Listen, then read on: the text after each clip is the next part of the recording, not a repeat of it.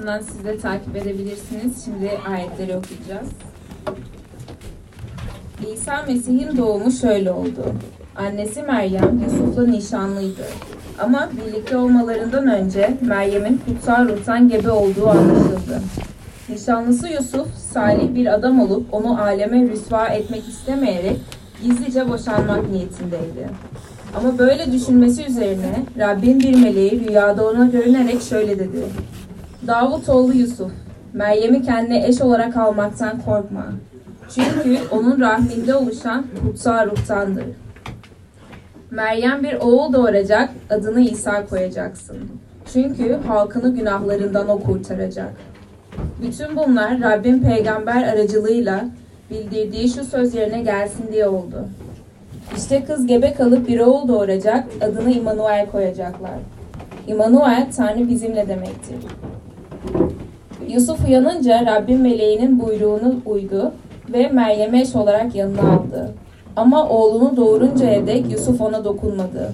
Doğan çocuğun adını İsa koydu.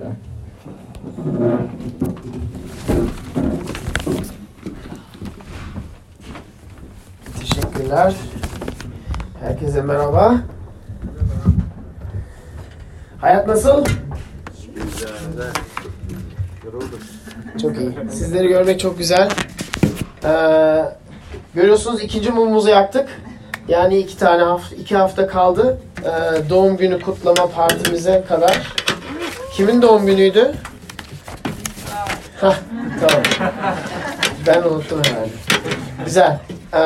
Evet, Rus Arayışımıza hoş geldiniz. Ee, Rus Arayışımız evvelden de söylendiği gibi farklı dünya görüşlerine sahip olan arkadaşlarımız için bir çevre yaratıp e, beraber bir araya gelip birbirimizi hayatta teşvik edebilmek ve destek olabilmek için yaptığımız bir şey. Ve neye inanırsanız inanın e, burada aramızda her zaman başınızın üstünde bir yeriniz var. Serimiz Noel, e, İsa'nın doğuşuna bakıyoruz ve hazırlanıyoruz. Geçen hafta İsa'nın annelerine baktık ve çok e, e, hazırlıkta da benim çok verim aldığım bir e, bir konuydu ve e, bu hafta İsa'nın babalarına bakıyoruz ve e, aslında iki tane temel kaynak kullanıyoruz. Birisi Mata İncili, öbürüsü Luka İncili. E, Mata İncili e, daha fazla Yusuf'un tarafını e, ele alıyor ve Luka İncili daha fazla Meryem'in tarafını ele alıyor ve Yusuf hakkında az bilgi var. Fazla bir şey bilmiyoruz Yusuf hakkında. Ama oldukça iyi birisi gibi geliyor metinleri okuduğumuzda. Yani takdire şayan bir adam olduğunu görüyoruz. 19. ayda bakarsanız aslında çok aşırı bir dengeye sahip olan birisi olduğunu meydana vuruyor metin. Çünkü bir yandan Musevi yasaya saygı duyup yasayı yerine getirmek isteyen birisiydi. Yani adil ve doğruyu yapmak isteyen birisiydi. E, Ama aynı zamanda da e, e, bunu nasıl diyeyim Meryem'i koruyarak yap yerine getirmeyi elde etmeyi amaçlayan birisiydi. Bir düşünün nişanlısınız ve evlenme e, tarihi belki belli ve nişanlınız hamile olduğu meydana çıkıyor. Ve e, hayal, bu ne hayal kırıklığına denk geldiğini hiç bahsetmeyeyim ama ne yapacaksınız? Ne yapacaksınız? Ve ve Yusuf'un durumu biraz bu. Ve bakarsanız yani bu nasıl bir bu nasıl bir e, konuşma, nasıl bir kriz konuşması olduğunu tahmin etmek çok zor ama belki e, Yusuf öyle bir şey dedi. Dedi Meryem ya yani bir şey yapmadım diyorsun ama yani hamilesin kızım yani. bu nasıl oldu? Um, ve o noktada aslında um, ve Rabbin yasasını çiğnemiş olduğu aslında um, Yusuf'u zor bir duruma düşürüyor veya öyle zannettiği zor bir duruma düşünüyor ve aslında ilginç olan şey burada kendisini düşünmüyor. Yani um, bencillikten Metin bahsetmiyor, öfkeden veya kızmaktan uh, Metin bahsetmiyor. Bilakis um, denge dediğim için yani bir yandan um, Musevi yasaya adil olmak istiyor ama öbür yandan da Meryem'i korumak istiyor. Um, onu gizlice boşanmaya karar veriyor. Yani büyük bir e, kıyamet de koparabilirdi yani. Ve sonradan Rab'den rüyada bir e, ifşa görüyor ve ona göre davranmaya karar veriyor. Ve bugün bu e, olayın üç tane şeyiniz beraber bakmak istiyorum sizden. İsa'nın kimliğinin önemi, İsa'nın doktrininin önemi ve İsa'nın otoritesinin önemi. Um, ilk noktalar biraz daha kısa olacak. Üçüncü noktada biraz daha fazla vakit geçireceğiz. Bültende noktaları bulabilirsiniz. Um, beşinci sayfada. Um, beni daha iyi takip etmek isterseniz. İsa'nın kimliğinin önemi. Bakın um, Mata'nın burada bir iddiası var ve bu iddia üç defa tekrarlanmakta.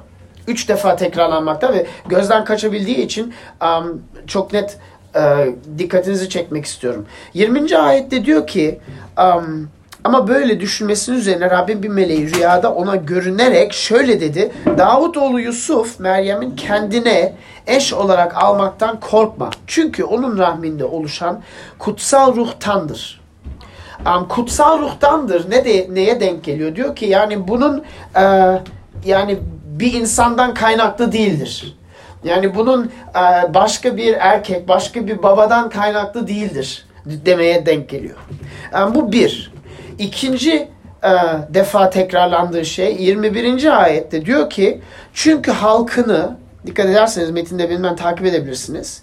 Çünkü halkını günahlarından o kurtaracak diyor. Tamam Meryem'e açık Meryem'e bir doğ, oğul doğacak. Adına İsa koyacaksın. Çünkü halkını günahlarından kurtaracak. Bakınca bu çok çok garip bir ifade.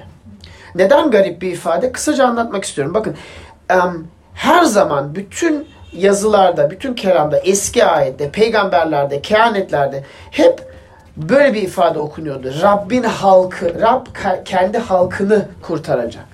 Rab halkını kurtaracak. Veya Rabbin halkından bahsediyordu. Um, mesela Yeşaya 35.4'te diyor ki um, Tanrı gelip kendi halkını kurtaracak. Yani daima her zaman halktan bahsedildiği zaman Rabbin halkı ifadesi kullanarak geçiyordu. Ama burada İsa'nın ismi Rabbin olması gerektiği yere konulmuş bir isim.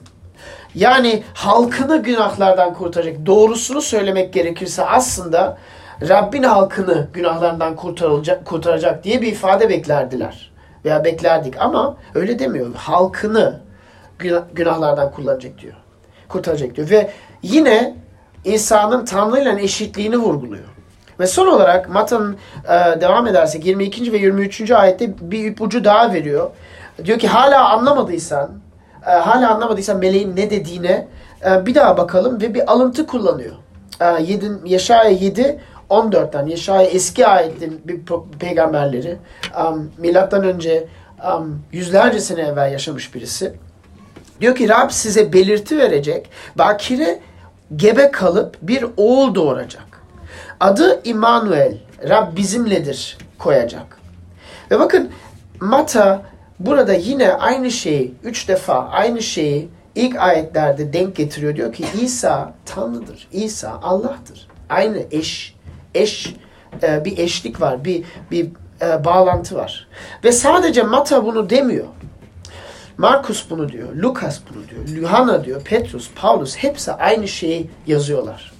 Ve bu ne kadar şok edici olduğunu um, bugün anlamamız bayağı zor olduğunu sanıyorum. Çünkü um, bugün birçok fikirler var, birçok dünya görüşleri var. Ama bakın bunlar Yahudi. Bunlar Yahudi ne demek istiyorum? Bakın bunlar e, Yunan veya Helenler değil. Bunlar Romalılar değil. Ne demek istiyorum? Bakın Romalılar veya Yunanlar birçok tanrıya inanıyordular. Birçok tanrıya inanıyordu. Yani başka bir insana tanrı ilan etmek hiçbir sorun değildi. Ee, yani ama onların tanrı fikri çok farklıydı. Mesela Zeus tanrısını okumuşsunuz, duymuşsunuzdur. Ama Zeus tanrıyı kandırmak mümkün. Yani mesela aramızda çok akıllıca davranan birisi olup da Zeus tanrıyı kandırabilir. Veyahut Apollos tanrısı belki tanıyorsunuz. Apollos tanrıdan saklanmak mümkün. Veyahut Hermes tanrı dan bahsediyor ve e, Hermes öyle bir tanrı ki Hermes tanrı olarak hata yapabiliyor. Anlıyor musunuz? E, bu politeizm biliyorsunuz. Yani çok tanrılık, çok tanrıya inanmak. Um, ama Yahudiler buna inanmıyordu. Böyle bir tanrı fikrine inanmıyorlardı. Uzak Doğu Tanrı'dan bahsedersek, yani Budizme, e, Hinduizme bahsedersek, yani Tanrı fikri biraz daha e, gizli, gizlenmiş bir şey ve kişisel bir varlığa inanılmıyor. Ama her şeyi kapsayan, her şeyin içinde bulunan bir güç, tanrısal bir güce inanılıyor. Yani çiçeklerin içinde, bu taşların içinde, senin içinde, e, bu masanın içinde, her şeyin içinde tanrısal bir ruh var. Ve bu da panteizm, bunu da biliyoruz. Ama Yahudiler buna da inanmıyordu. Yahudiler bugünkü Müslümanlar gibi tek Tanrı'ya inanıyordu. Ve bu Tanrı'nın fikri, Tanrı'dan e, bu Tanrı'dan e, bağlantılı olan fikirler şöyleydi. Bu Tanrı hata yapmayan bir Tanrı. Bu Tanrı'dan saklanabileceğin bir Tanrı değil. Um, bu Tanrı um, e, bu Tanrı'yı kandırabilecek bir Tanrı. Bu Tanrı sonsuz bir Tanrı. Her şeyden yüce olan bir Tanrı. Um, sonsuz aşkın bir varlık, kutsal, öte. Um, Yahudiler adını bile ağızlarından almaktan çekindikleri için farklı bir e, vokalizasyon yaratarak e, Yahweh adını hiç kullanmıyorlardı. Yehova diyorlardı. Yani o isim o kadar kutsal ki ağızlarına bile almıyorlardı. Yani evren toz gibi ise bu Tanrı o kadar öte, o kadar daha kutsal, o kadar um, daha değerli ki adını bile almak um, büyük büyük bir, bir suçtu, bir, bir, bir sorundu. Bu bir, böyle bir topluma gelip bir insana bu Tanrı'dır demek çok şaşırtıcı bir iddia. Çok geri zekalı bir iddia, affedersiniz. Yani bunu, bunu yutmak için Yahudileri bu noktaya denk getirmek için ki bunların hepsi Yahudiydi. Bunu no, o noktaya denk getirip bu iddiaya sahip olmaya denk getirmek çok acayip bir şey, çok garip bir şey. Ama Mata Yahudi olarak bunu üç defa vurguluyor. Peki doğan çocuk kim? Bakın Rab bizimle. Um, İmmanuel kelimesini ezgilerde de duyduk. İmmanuel'in anlamı Rab bizimle. Yani Rab bizimle oluyor. Bize geliyor. Ve Noel'in iddiası aslında şu. Ve Hristiyanlıkla cebelleşen sor, temel soru da aslında bu. Hristiyanlıkla cebelleşiyorsanız. Benim birçok arkadaşım var diyor ki siz hep yani siz biraz abartıyorsunuz ya. Siz yani böyle ya hep ya hiç. Ya tamam mesela babam diyor. Yani Hristiyanlığı kabul etmiyorum ama birçok iyi şeyleri var. Yani birçok saygı duyduğum şeyleri var. Yani birçok um, iyi bir dünya görüşü diyebilirim. Ama yani yüzde yüz kabul edemiyorum tabii ki. Neden böyle demiyorsunuz? Neden ya hep ya hiç? Neden illaki İsa sadece bir peygamber değil, sadece bir insan değil, illaki sadece İsa Tanrı iddiası neden o kadar merkezde duran bir iddia? Bakın şöyle söyleyeyim. Tek um, Noel'in temeline bakarsak, Noel'in temelinde şunu görüyoruz. Ve bunu bütün dünya görüşleriyle karşılaştırmamız lazım. Bütün dünya görüşleri şöyle bir şey diyor. Yol bu. Bu yoldan git. Ve bu yoldan gidersen mutlu bir yaşam yaşayıp cennete kavuşursun. Bak yolu gösteriyorum sana. Peygamberlerin bütün yaptıkları şey bu. Yol göstermek. Yani dünya görüşlerinin bütün yaptığı şey bu. Buda'nın yaptığı şey bu. Um, Muhammed'in yaptığı şey bu. Yol göstermek. Eski ayetteki peygamberlerin yaptığı şey bu. Yol göstermek. Bu kötü yolları terk et, bu tarafa doğru git. İyi bir insan ol. Ama Noel'in iddiası bu değil. Noel'in iddiası bu değil. Noel'in iddiası sana yol gösteriyorum değil. Bakın Noel'in iddiası ben Tanrıyım. Rab sizinle. Rab ben Tanrıyım ve seni bulmaya geldim ve yol göstermeye gelmedim. Bakın doğruysa bu büyük bir fark. Arasında büyük bir fark var. Yalansa çok berbat bir dünya görüşü. Yani hiç iyi, iyi bir tarafı da kalmıyor. Yani Hristiyanlıktaki bu iddia yalansa çok kötü bir dünya görüşü. Soru şu, gerçekten İmmanuel o mu? Yani gerçekten Tanrı sizinle iddiası doğru mu? Gerçekten o doğan bebek Tanrı'nın bebeği mi? Bakire'nin doğurduğu bebek o mu? Ve ondan bu radikal fikir ya hep ya hiç um, İsa'yı Tanrı olarak belirlemek büyük bir şok. Ve şu anda size sormam lazım. Sizin için İsa kim? İsa iyi bir hoca mı? Bilgin bir adam mı? Yaşamış, belki yaşamış, belki bazı fikirlerini reddediyorsunuz, bazı fikirlerini onaylıyorsunuz. Sizin için iyi bir örnek mi? Yol gösteren birisi mi? Mata'nın iddiası çok çok daha yüksek bir yere gidiyor. İkinci noktaya gidelim. İsa'nın doktrinin önemi. Bakın, özellikle birçok genç, postmodern insanlar, Türkiye'de de uh, yaşayanlar, yani Noel'den duymuş veya belki yurt dışına gitmiş demiş. Ya çok güzel bir bayram, ha, çok duygusal, ışıklar, karanlıkta ışıkları yakıyor ve yani çok teşvik edici bir zaman. Sevgi, aşkınlık, hediyeler. Biz de kutlayalım. Ama bu bayramı doktrinle, dogmayla, öğretiyle berbat etme. Tamam yani Noel tamam güzel bir bayram. Ama bunun yani illaki işte öğretisiyle, İsa'nın doktriniyle, iddialarıyla bunu berbat etme. Bunlar önemli değil. Önemli olan bunun benim, benim için bir teşvik olması. Hayatımda bir bir bir şey hissedebilmem. Anlıyor musunuz? Yani aslında bizim çok duyduğumuz yeter ki insan ol ifadesine denk geliyor. Yani yeter ki insan ol. Şimdi bana işte o, o inançlarından biraz uzak kal. Zaten ve bununla birçok dün akşam e, aşamalı ziyafete gittik. Umarım e, katıldık. Çok güzel bir etkinlikti. Ve e, bu e, güzel mekanın alt katında oturup saatlerce konuştuk ve birçok arkadaşlarım dedi ki yani zaten bütün dinlerin temeli e, ahlak. Yani nasıl yaşayacaksın? Doğru yaşayacaksın. Başkasına kötülük yapmayacaksın. Hepsi aynı şeyi diyor zaten. Ve hatta ateist arkadaşlarım diyor ki yani bunu yapmak için dine de ihtiyaç yok ki.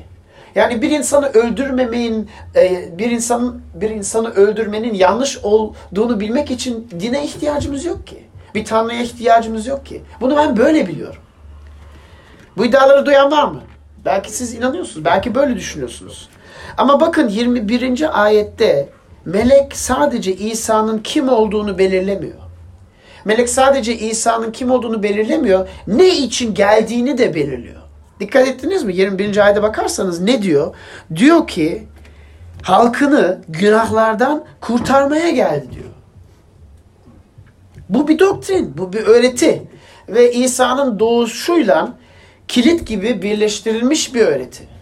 Çünkü Yeşaya'nın verilmiş kehanetine dayanıyor. Eski ayetteki birçok peygamberlerin beklediği bir e, geleceğe çok dayanıyor. Yani bunu ayırmak mümkün değil günahlarınızdan kurtarmaya geldi. Bakın bu bu eğitmek değil. Size doğruyu söylemek için geldi demiyor. Size doğru yol göstermek için geldi demiyor. Hatta şöyle söyleyeyim size. İsa'nın kendi sözlerinden söyleyeyim. İsa Yuhanna müjdesinde şöyle diyor. Diyor ki yol, gerçek ve yaşam benim. Ve göklerdeki babama benden başka hiçbir yol üzerine ulaşamazsınız. Bakın yol göstermek bir şey, yol benim demek tamamen farklı bir şey. Tamamen farklı bir şey. İsa'nın iddiası hayat boyunca budur. Yahudiler neden onu öldürdü? Bu iddiadan vazgeçmediği için öldürdü. Yahudiler onu e, hakimlerin önüne çektiğinde neden çektiler? Bu adam Tanrı iddia, Tanrı olmasının iddiasında dediler. Ve bu büyük bir suçtu. Büyük bir suçtu. Anlıyor musunuz ne, ne fark var? İsa'nın doktrini çok önemli. Bakın İsa bir hoca gibi gelip yol göstermiyor. Sana demiyor tam sana işte 10 tane temel prensip veriyorum. Bunları izlersen kurtulabilirsin. Hayır diyor ki ben gelip seni kurtaran benim diyor. Kurtarmaya seni ben geldim diyor. Lütfumla kurtarabilirsin diyor. Ama yol benim diyor. Yani senin yolunu ben yürümeye geldim diyor. Tanrı bizimle ifadesi Buna denk geliyor. Um, yani vekaleten bir kefaretten bahsediyor burada. Ve bakın um, bunu kabul ettiğimizde Tanrı'nın lütfunu kabul ettiğimizde büyük bir coşkuya vermeye geldim diyor. Yani iyi insan olarak Rabbin sevgisini kazanmaktan çok farklı bir şey. Ve aslında iyi insan olup Rabbin sevgisini kazanmak çok bipolar bir yaşam tarzı. Bipolar bozukluktan çeken arkadaşlarım var ve bu idealan yaşayı, yaşamı sürdürmek çok bipolar bir yaşam tarzı söylüyor. Ne, neden bahsediyorum size açıklayacağım. Bakın iyi günlerinizde tamam mı iyisiniz, güçlüsünüz, kalkıyorsunuz diyorsunuz ben iyi bir insanım, ben doğru bir insanım, ben ahlak, ahlaklı bir insanım, ben on emirleri tutarım, ben fakirlere para veririm, bunları yaparım, bunları yaparım. Ve ne oluyor? Otomatikmen ne oluyor? Siz kendinizi böyle gördüğünüz için etrafınızdaki insanların arasında bir uçurum oluşturuyorsunuz ve sizin gözünüzün önünde bunu yapmayan insanlardan e, kendinizi daha yüksek görüyorsunuz. Daha kibirli görüyorsunuz. Ve o insanları otomatikmen küçümsüyorsunuz, alçaltıyorsunuz. Ve otomatikmen bu insanlara kötü davranıyorsunuz. Herkes benim gibi olsa bu dünya tertemiz bir yer olur. Böyle düşündüğünüz oluyor mu ara sıra? Ama kötü günlerinizde, bakın kötü günlerinizde, kendi standartlarınızı yerine getiremediğiniz günlerinizde perişan oluyorsunuz. Ben çok berbat biriyim ya. Hiçbir şey yapamıyorum. Yataktan bile kalkamıyorum. işe bile gidemiyorum. Bunu yapamıyorum. Ve kendimize acımaya başlıyoruz. Çok bipolar bir yaşam tarzı. Ama bu oraya denk geliyor. Oraya denk geliyor. Um, yani bundan kurtarmaya geldi İsa bizi. İsa bundan kurtarmaya geldi. Diyor ki her an seni sevdiğimi, seni kabul ettiğimden emin olabilmen için geldim diyor. Daima benim sevgime karşı minnettar, sevinç dolu bir insan olduğuna kavuşma, kavuşturmaya geldim diyor. O endişelerini bitirmeye geldim. O gururunu da bitirmeye geldim. O içindeki olan nefret ve öfkeyi de bitirmeye geldim diyor. Lütfumla kurtuldun diyor. Ama lütfumla kurtuldunsan hiçbir hakka sahip değilsin diyor. Başka insanları alçaltmaya sahip değilsin diyor. Kendini daha iyi, daha iyi, bir şey olarak sanmaya hak, ha, e, sahip, o hakka sahip değilsin diyor. Kendin o kadar başarılı olduğu için, o kadar zeki olduğun için kurtar, kurtarılmadın diyor. Benim sayemde, ben yol olduğum için sen kurtarıldın diyor. Ve bakın itiraz şu, doktrin önemli değil. İlk başta dedim yani doktrin önemli. Ya bunları bırak ya. Noel kutlayalım, mum yakalım. Tamam her şey güzel. Biraz dans edin, biraz hediye yapalım, biraz güzel olsun. Ama itiraz şu, bu, bu iddiayı düşünürseniz doktrin önemli değil iddiası ve bu çok ironik bir şey. Aslında bu da bir doktrin. Doktrin önemli değil dediğimde ben yine bir doktrin öne sürüyorum. Yine bir inanç öne sürüyorum. Buna inanmanız lazım. Yani tamam birisi diyor doktrin önemli diyor, öbürsü doktrin önemli değil diyor. Ama bunların ikisi de bir inanç. İkisi, hiçbirisini ispat edemezsiniz. Ve aslında yap, doktrin önemli değil dediğimizde ne diyorsun? Dur ya şu, dur şu teolojinden, dur şu ilahiyatından, dur şu doktrin, dur şu İsa'la bahsediyor, dur artık istemiyorum. Ama karşındakine yasakladığın şeyi aynı şekilde sen yapıyorsun. Aynı adımda, aynı nefeste. Onun için biraz yani ve bu bu bu doktrin önemli değil iddiası varsayılarla dolu. Varsayılarla dolu. Bakın çok yüklü. Bakire'nin doğurması önemli değil demek sadece ilham verici demek, e, sadece bir hikaye demek birçok varsayılarla dolu. Bütün varsayılar, hangi varsayılarla size söyleyeyim. Varsayılarla şu, ben o kadar da günahkar değilim. Ben o kadar da berbat birisi değilim. O kadar da fazla yolumu kaybetmedim. O kadar da fazla bipolar değilim. E, iyi günlerde aslında cennete doğru yolu, yolu yürümeye kabiliyetim var. Um, başka başka birisinin benim e, benim yerime günahlarımın pahasını ödeyerek ölmesine gerek gerekmiyor benim için. Birçok varsayılarla dolu bunlar. Ama Noel'in iddiası, bakın Noel'in iddiası bu bir bu sadece bir efsane değil, ilham verici bir şey değil.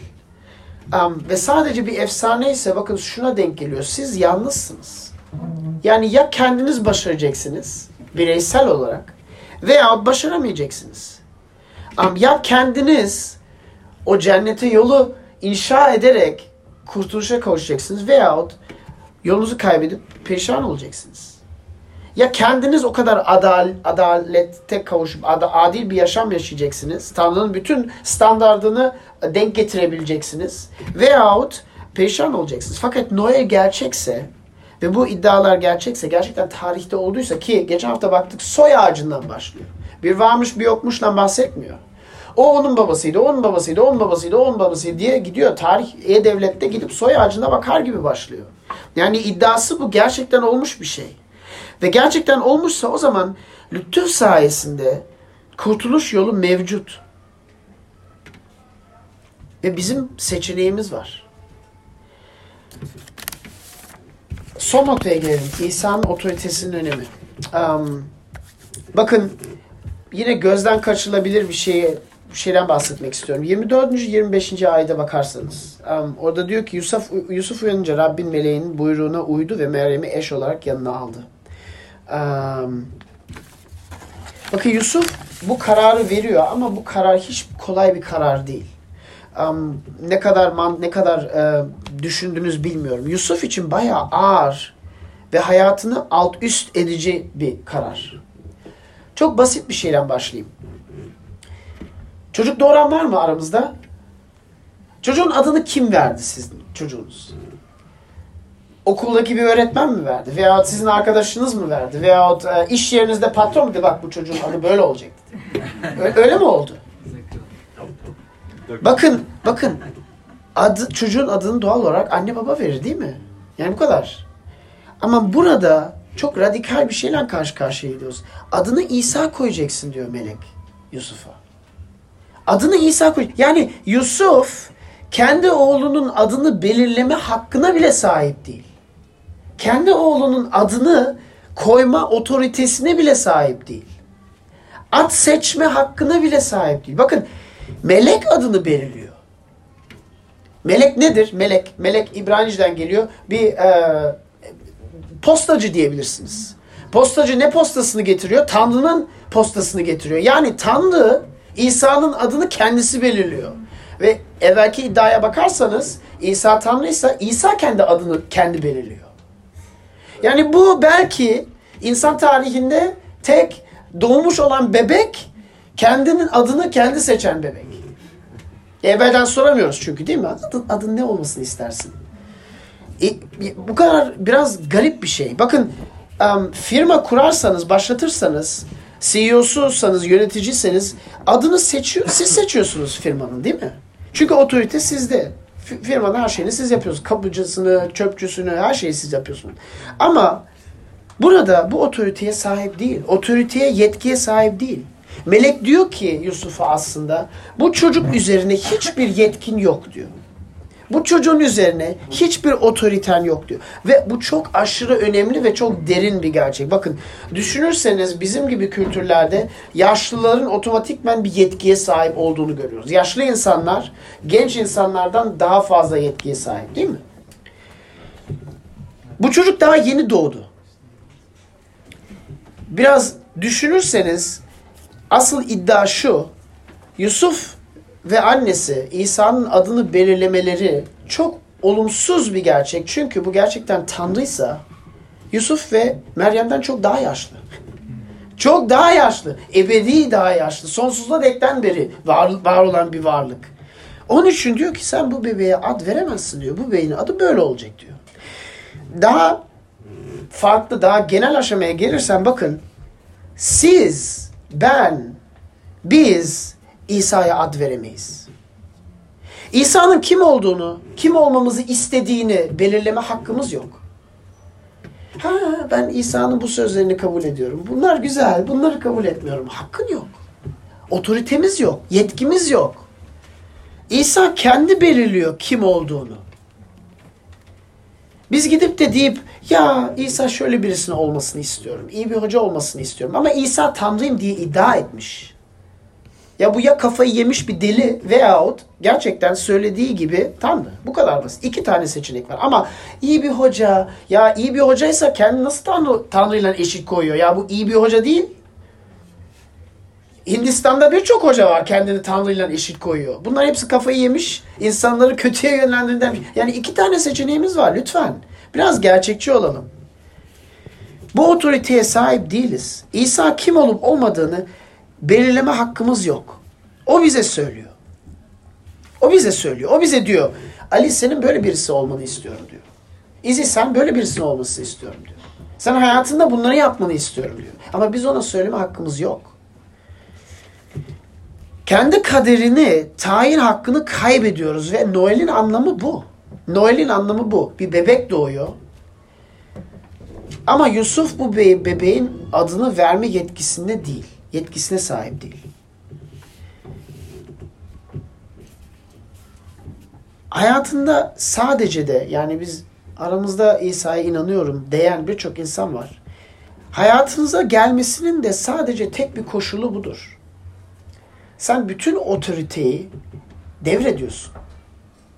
İsa'ya inanıyorum demek, bu metindeki yazılan şeylere inanıyorum demek, hayatımdaki bütün yetkiyi, bütün kontrolü devrediyorum demek.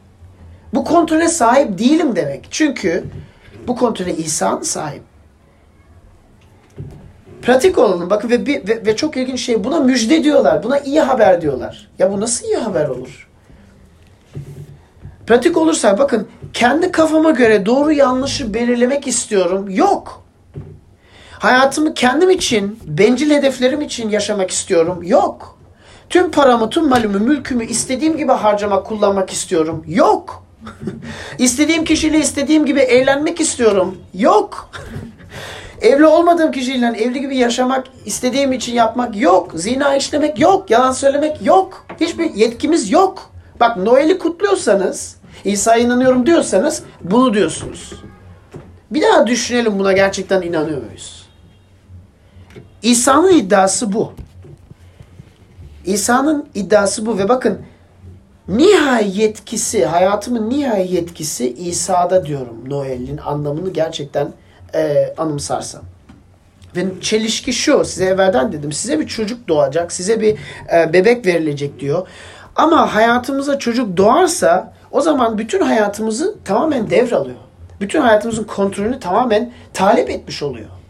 Ve buna müjde diyor e, Matta. Müjde yani iyi bir haber. Ve bakın bu nasıl bir müjde olabilir? Noel insanın kalbindeki temel yalana meydana vuruyor aslında. İnsanların bütün bütün insanların hayatında bir yalan var.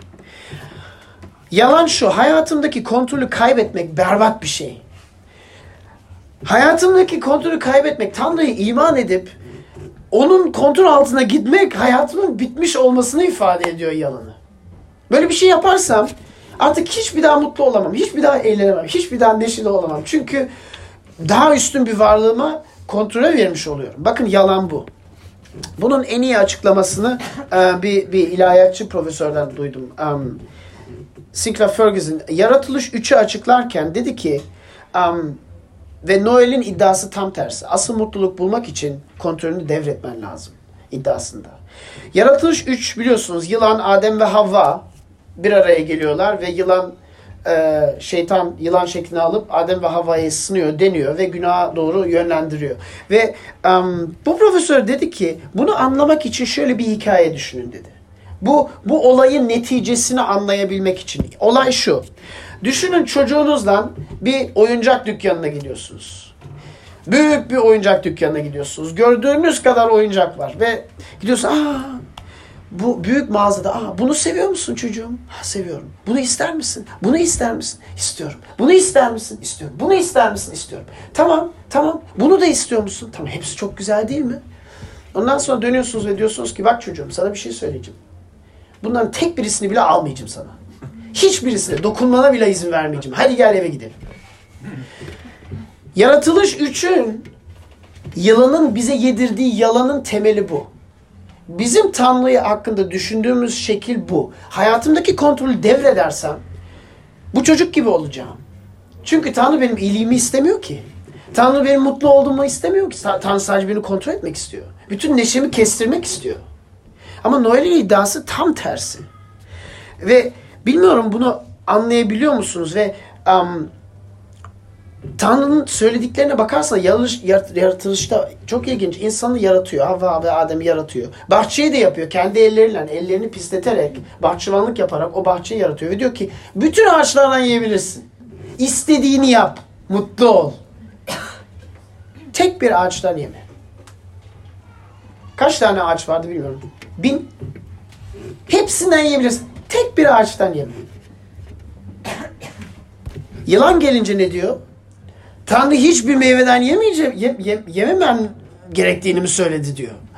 Farkına varıyor musun? Ne oluyor? Bakın Tanrı ile insan arasındaki ilişkiyi şüpheyle zehirliyor. Şüpheyle zehirliyor. E, Havva da yok yok hepsini yiyebiliyoruz diyor ama sadece tek bir ağaçtan yememiz. Bakın bu o kadar derin felsefi bir gerçek ki bunu bir düşünün. Olmuş olmuş.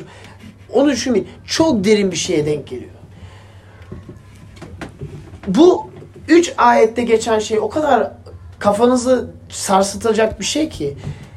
Hava diyor ki yok yok tek bir ağaç diyor. Ama şeytan ne diyor? Yılan ne diyor? Ama bak o tek bir ağaç bütün öbür meyvelerden çok daha güzel diyor. O tek bir ağaç asıl senin mutlu olmanı engelleyen tek şey diyor. Bütün öbür ağaçlar zaten hiç önemli değil diyor. Tanrı senin iyiliğini istemiyor ki. Tanrı senin mutlu olmanı istemiyor ki. Ona güvenemezsin ki diyor. Yedirdiğim, inandığımız yalan bu. Kontrolü devredersek, kontrolü devredersek mutluluğumuzu kaybedeceğiz. Ama Noel'in anlamı tam tersi. Kontrolü devredersek hayatımız aslında asıl mutluluğa kavuşabileceğiz. Ve bakın ilginç olan şey şu. Dindar insan bunu yapamıyor. Dinsiz insan da bunu yapamıyor. Bakın din, dinsiz insan ne diyor? Ben Tanrı diye bir varlık olsa bile hayatımın bu kadar bir payını ona vermem. Kontrol benim istediğimi yaparım. Hiçbir doğru yanlış hepsini ben belirliyorum diyor. Dindar insan ne yapıyor? Ya tamam ya. Dua ederken benim dualarım yerine gelmesi için tamam ya hayatımın şu kadarını veriyorum sana. Bak bu kadarını veriyorum. Küçücük bir çerçeve ki seni kullanabilmem için gelecekte belki ihtiyacım olur. İkisi de iki, ikisi de yapmıyor. Dünyadaki iki insan grubu da yapmıyor. İsa'nın burada iddiasını yerine getiren çok büyük bir iddia. Bilmiyorum. Siz yapabiliyor musunuz? Hayatında bütün kontrol devreden kim var aramızda? Bir sorabilir miyim? Gerçekten bu benim diye geri tutan, e, geri tutmayan. Çok ciddi bir iddia değil mi? Bakın insanlığın sorusu bu. Güvenmiyoruz. Tanrı'ya güvenmediğimiz için birbirimize de güvenemiyoruz. Bu yalan bütün hayatımızı zemininden tepesine kadar alt üst ediyor. Berbat ediyor. Ve bakın bu çocuğa geri döneyim. Psikologlar ne der biliyor musun? Senin baban böyle yap bir şey yaptıysa sen hayat boyunca hiç kimseye inanamazsın. Hiç kimseye güvenemezsin. O kadar derin yalalanmışsın ki. Ve biz böyle bir yalana inanıyorsak hayat boyunca hiç kimseye güvenemeyeceğimiz şey. Bakın benim çok yakın bir arkadaşım var. Ve e, onun çok yakın bir akrabasını e, iki hafta evvel kapalı psikiyatriye koymaya mecbur kaldı. Ve çok perişan, çok üzülerek. Neden? Gerçeklik kaybından dolayı. Benim benim biri, beni birisi takip ediyor. Beni birisi öldürmek istiyor. Benim paramı çalmak istiyor diye bir yaşlı birisi. Kapalı psikiyatriye koymaya. Neden? Gerçeklik kaybından dolayı. Bakın belirli bir ifadede biz bu yalana inanıyorsak hepimiz belirli bir derecede gerçeklik kaybı yaşıyoruz. Matta bunu iddia ediyor. Gerçeklik kaybı yaşıyoruz. Çünkü Tanrı aslında bizim mutlu olmamızı istiyor ama biz tam tersini zannediyoruz. Gerçeklik kaybı yaşıyoruz ve ve büyük yani aslında bizi mutlu eden şeyi şüpheliyiz. Aslında bizi mutlu eden şeyden kaçıyoruz. Ve Noel'in Noel'in bize gösterdiği şey şu. Kontrolü devrettiğimiz mutlu olmamıza eşittir. Yani kontrolü tutmamız mutsuz olmamıza eşittir. Ve bunu aslında e, doğada görüyoruz. Doğada görüyoruz. Bakın e, birkaç örnek vereyim. Bir tohum. Tohum ne zaman meyve verir? Tohumu yere dikersiniz. Tohum ölür. Ondan sonra meyve verir. Tohum ölmeden meyve veremez. Yani kendimizi feda etmeden, başka insana armağan etmeden, kendi bencilliğimizden dışarı çıkmadan hiçbir şey elde edemiyoruz. Hiçbir meyve elde edemiyoruz. Bakın bu doğadan bahsediyorum size. Veya evlilikten bahsettiğim. Evlilikte de aynı şey. Kendinizi feda etmeden bu iş e, ilişkiyi yürütmek imkansız. Neden bu kadar insan boşanıyor sizce? Veya çocuktan bahsedeyim. Bir çocuk yetiştirmek. O çocuk hayatınıza doğduğu zaman zaten hayatınız belirli bir şekilde durduruldu diye böyle CD'de pause tuşu var ya böyle durduruyorsunuz. Hayatınız durdu. Böyle bir 18 sene boyunca durdu. Neden? Çünkü iki tane seçeneğiniz var. Ya kendinizi feda ederek bu bebeği yetiştirmek için bütün e, enerjinizi, sevginizi vereceksiniz. Bunu yapmazsanız bu bebek hiçbir zaman yetişkin olmayacak. Hiçbir zaman yani yaş belki yaş açısından yetişkin olur ama hiçbir zaman sağlam bir yetişkin insan olamayacak. Çünkü iki tane seçeneğiniz var. Ya siz kendi hayatınızı ona vereceksiniz Veyahut bu, bu hayatım benim deyip onun hayatını söndüreceksiniz. Bu kadar basit. Bakın doğada o kadar çok örnek var ve Noel'in ifade etmesi şey şu. Ama aynı şey. Durum daha da derin. Çünkü Tanrı'ya bakarsanız Tanrı'nın temel varlığında bu bunu görüyoruz. Tanrı'nın temel varlığında bu var. Teslis diyoruz biz. Baba, oğul, kutsal ruh. Hem bir, hem tek, hem ulu, hem de üç kişi var. Bu neden bu kadar önemli? Ve bakın yine felsefeye gidiyorum. Felsefede bu yüzlerce sene e, süren bir tartışma. En sona gidersek tek mi var, çok mu var? Hristiyanlıkta diyoruz ki ikisi de doğru. Hem tek hem üç. Nasıl anlıyoruz? Anlayamıyoruz ama iddia böyle. Bakın üçlü birlikte ne görüyoruz? Baba, oğul, kutsal ruh birbirlerini feda ederek birbirlerini seviyor. İsa geliyor ne diyor? Evet ben Tanrıyım diyor ama babamın söylediği her sözü yerine getiriyorum diyor. Neden? Çünkü babamı seviyorum diyor. Ben kendimi onu sevdiğimi ispat etti. Kendimi feda ederek diyor. Kutsal ruh geliyor. Ne yapıyor? İsa ne diyor? Kutsal ruh nasıl ilan ediyor ki? O gelip benim size bütün öğrettiklerimi hatırlatacaktır diyor. Bakın kutsal ruh gelip kendi kafasına göre bir şey yapmayacak. Hayır. Kutsal ruh İsa'nın öğrettiklerini gösteriyor. Görüyor musunuz? Tanrı üçlü birlikte bile onlar birbirlerine hizmet ediyor. Birbirlerini feda ediyor. Peki böyle bir varlık evreni yarattıysa ve bencillik değil de kendini feda etmek evrenin temelinde varsa hepimiz aşırı derecede gerçeklik kaybı yaşamıyor muyuz? Çünkü hepimizin yaşadığı iddia ben, benim. Çok fazla vermek istemiyorum yoksa mutsuz olacağım. Hepimiz belirli bir derecede gerçeklik kaybı yaşamıyor muyuz? Bakın Filipiler 2'de şunu söylüyor Tanrı. Diyor ki çarmıha gerildiği zaman e, pardon Mesih İsa'daki yöntem sizlere siz, sizde de olsun. Mesih Tanrı özüne sahip olduğu halde Tanrı'ya eşitliği sımsıkı sarılacak bir hak saymadı. Ama kul özünü alıp insan benzeyişinde doğarak ululuğunu bir yana bıraktı. İnsan biçimine bürünmüş olarak ölüme, çarmıh üzerinde ölüme bile boyun eğip kendini alçalttı. Bakın evrenin temelinde bu varsa bizim mutsuz olmamız tamamen doğal değil mi? Biz bencilliğimizden dışarı çıkamıyorsak tamamen mutsuz olmamız doğal değil mi? İsa Mesih Tanrı olduğuna rağmen, her hakka sahip olduğuna rağmen insan bedeninde doğuyor. Herkese hizmet ediyor. Kendi evine bile sahip değil. En sonunda haksız bir şekilde çarmıha gerilip ölü, ölüyor. Kendini feda ediyor. Kendini veriyor. Bakın bunu gördüğünüzde, bunu anladığınızda, bunu hayatınızda uyguladığınızda tüm yaratılışın, tüm varlıkların ritmine dokunmak gibi bir ifade oluyor. Ve bunu yapmadığımızda gerçeklik kaybı yaşamamıza denk geliyor.